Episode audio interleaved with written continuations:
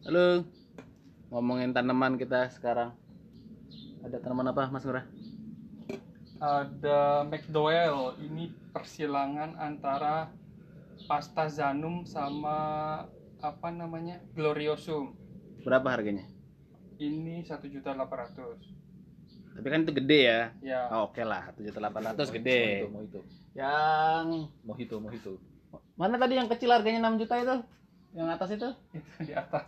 Ya dia dia mahal kan karena memang eh, ada ada gen yang aneh gitu. Kayak mutasi gen dia jadinya warnanya keluar apa keluar variegata. Nah variegata juga ada macam-macam. Ada variegatanya putih tiba-tiba ada variegatanya dia warnanya kuning ada variegatanya dia warnanya eh, ngepink. Kalau di apa namanya namanya philodendron pink princess gitu. Ya macam-macam gitu. Itulah yang di dihargai mahal. Karena kan nggak semua tanaman bisa bermutasi. Buat yang nggak ngerti variegata itu apa sih? variegata itu kelainan gen kelainan gennya tanaman yang dia harusnya ada klorofil warnanya hijau tiba-tiba ada kelainan gen dia jadi warnanya putih gitu. Klorofilnya nggak ada hilang. Bisa warna pink kayak tadi ya? bisa bisa pink. Cuman ya gitu resikonya kalau dia terlalu banyak sinar matahari bukan diserap untuk jadi oksigen tapi malah gosong Oh. gitu risikonya lebih besar Tadi yang di rumah ini yang paling mahal yang 6 juta itu. Apa ada lagi yang lebih mahal?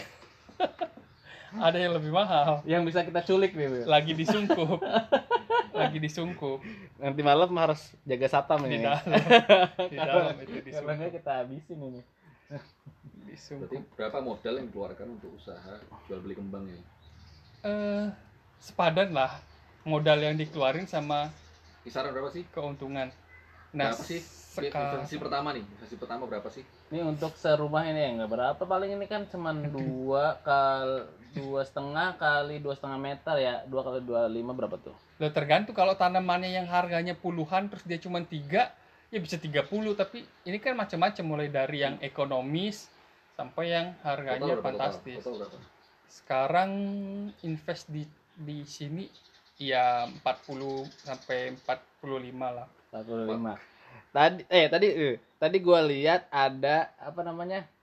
eh bibit pisang. Pisang. pisang. Itu kenapa bisa mahal itu? nah dia mahal ya ya sama aja prinsipnya kan kita jualan namanya ada prinsip ekonomi ada ada permintaan demand ada Penawaran. penawaran gitu. Nah Hmm. sekarang permintaannya lagi tinggi nih tapi stoknya nggak ada. Akhirnya kan naik. Gitu. Nah, jadi istimewanya si pisang tadi itu apa itu? ya itu kembali ke variegata lagi. Namanya pisang variegata dia pisangnya ini daunnya harusnya warna hijau. Bermutasi nih. Bermutasi jadi tiba-tiba warnanya ada putih-putihnya gitu. Gitu. Jadi jadi bukan pisang untuk kita tanian malah tapi pisang buat tanaman hias. Berarti profit yang didapatkan mulai tahun berapa sih mulai? baru baru awal-awal pandemi Berapa bulan? Setahun. Setahun. setahun. Setahun lah ya. setahun awal tahun inilah sebelumnya kan mainnya sepeda nih Sepeda, Ah. sepeda juga sama kan? sepeda sama Sama lah. Ada kebutuhan, harganya Ada permintaan. ada gorengan. Eh, eh. Profit berapa nih berarti? Sampai berapa persen sih? deh? Berapa persen? contoh ya ngomongin kemarin satu pohon satu pohon tuh beli 8,3 juta nah setelah dicacah dapat empat cacahan nih. Cacahan paling atas itu ada tiga daun. Tiga daun tuh laku enam setengah. Gitu. Ada tiga cacahan lagi. Macam-macam harganya nih tiga cacahan karena dia cuma bawa satu daun.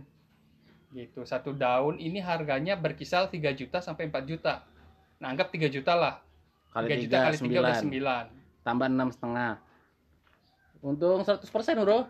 100% dan itu kalau udah tahu pasar terus kan pasarnya sebenarnya itu satu cacahan tuh 4 juta. Kita jual di bawah di bawah. Cepet laku gitu aja. cepet. Gitu.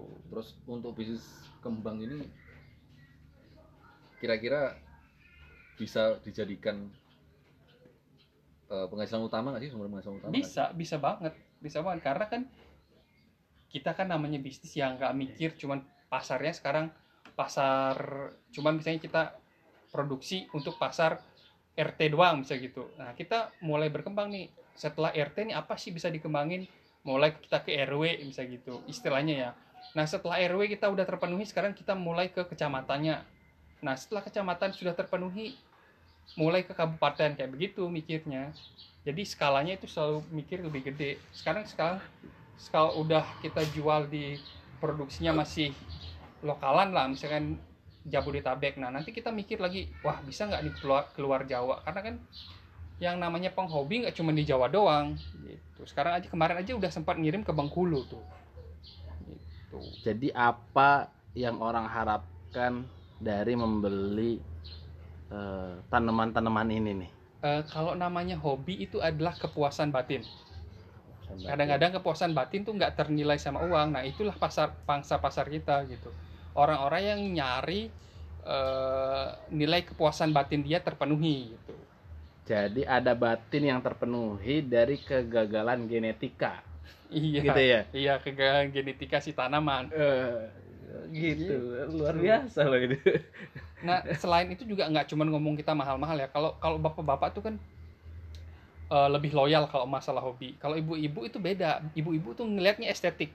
Nah itu kayak Oh. daun daun yang warnanya hitam dan ungu itu nah itu ibu-ibu pasarnya tuh Yang ini, yang ini. iya itu namanya Oh. black lipstick Ini harga berapa? itu harganya 350 Oke. tiga ratus ribu kalau pasarnya ibu-ibu tuh memang lebih ekonomis tapi dia eh, ngelihatnya beda dengan bapak-bapak kalau ibu-ibu itu ngelihatnya tuh warna dia kalau misalnya ada warna pink warna merah pokoknya warnanya lebih lebih mencolok lah beda dengan bapak-bapak Menariknya di sini tuh gitu loh. Jadi kecacatan genetik kan, kecacatan genetik malah jadi bagus gitu kan. Sedangkan di makhluk hidup lain mungkin kecacatan genetik mungkin bencana di dunia pertanaman ini kok bisa ngomong kan yang cacat genetik dibully sama tanaman lain gitu kan. Sebenarnya kenapa sih cacat genetik ini menjadi orang pada suka gitu? Apa karena beda sendiri terus langka atau gimana sih? ya karena langka Karena langka ya. ibaratnya sekarang kalau kalau kita ngomong Ferrari Ferrari itu kan di di di, di dunia itu bisa limit kan Ya. bisa dihitung nah sama kayak dua, sama kayak tiga. sama kayak apa namanya tanaman tanaman yang bermutasi genetik itu berapa satu banding seribu mungkin gitu nah nyari satu banding seribu itu kan orang nilai kepuasan batin nilai prestisnya itu kan beda gitu itulah yang kita targetnya ke situ Edan ya. Luar biasa loh. ya makanya kan orang orang-orang yang jualan tuh kan ngeliat oh ini lagi lagi booming nih masuk bridging irasional tadi mas. Eh. iya, ini kan irasional jadinya ya sebenarnya ya. ya makanya kita kita kita target kita kan eh, pasar-pasar orang yang irasional yang Kepuasan batin tadi. Iya. Kepuasan batin kan tidak tidak rasional, iya Iya perlu disadari kalau orang membeli sesuatu itu tidak rasional. ya rata-rata tidak rasional kan. Iya. Apa pun itu sebenarnya. Ya beli ya beli Starbucks lah. Tadi kita ngomongin Starbucks sama Starling ya kan. Ya kadang-kadang rasanya mirip-mirip ya. Kadang-kadang ya. ya makanya kan orang nongkrong di Starbucks sama nongkrong di Starling. Starbucks keliling itu kan beda nilai prestisnya makanya kan Terus yang dibahas pun juga bisa jadi berbeda. Nah Iya. mungkin kita mau ngedil bisnis di depan Starling gitu kan. Misalkan bisnis dengan harga miliaran. Terus kita ngomongnya di Starling gitu kan agak lucu juga. Bisa aja kalau tanaman ini nih. Bisa nggak ngomongin tanaman di Starling? ya bisa cuman kan eh, target marketnya beda itu target marketnya beda Dan Ya, ini- maaf, dan maaf. komunitas ya. ya Ya, kan, komunitas ya. Heeh. Iya. Cuman efek positifnya ya rumah ini jadi banyak oksigennya gitu kan. iya Banyak oksigennya jadi kelihatan hijau, seger. Ya selain itu juga kan eh, yang nerapin ilmu lah saya kan seorang pertanian kuliah udah dapat tentang pertanian ya udah diterapin aja gitu Oh. Beli murah ini ilmu tanah ya. ilmu tanah ilmu tanah Ilmu paling susah katanya tuh. ilmu ilmu paling susah ya tergantung semua juga susah kalau nggak dipelajarin mah Oh, Karena di kampus saya dulu yang nomor 2 sekarang versi Webometric gitu. Itu para itu yang pegiat ilmu tanah itu pada stres katanya. itu yang bikin susah kan dosennya kadang-kadang Ya oke. Oke, thank you beli murah. Kita kembali Oke. lagi ke tanaman berikutnya. Oke, semoga dengan podcast ini orang makin banyak suka tanaman. Jadi pangsa pasar saya makin luas gitu aja. Eh, nomornya nanti di bio ya. dan ini sih positifnya ya